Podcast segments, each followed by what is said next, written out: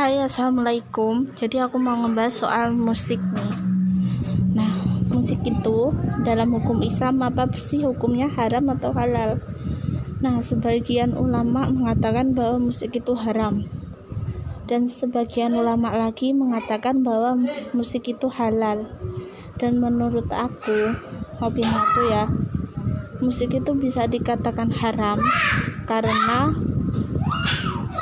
apabila digunakan untuk maksiat gitu. Untuk hal-hal yang nggak baik untuk kejahatan pokoknya untuk perzinahan juga.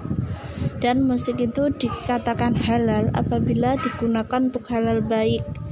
Contohnya musik religi kan. Musik religi itu kan mengandung sholawat-sholawat kepada baginda nabi dan pastinya sholawat gak ada yang buruk ya. Sholawat itu pasti baik. Dan itu bisa dikatakan musik tersebut halal.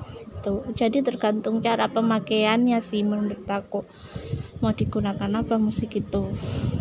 Jadi ya ya begitulah. Bisa dikatakan haram apabila dipakai untuk hal-hal yang membuat dosa. Dan bisa dikatakan haram apabila digunakan untuk hal-hal yang mendapatkan pahala gitu. Oke singkat aja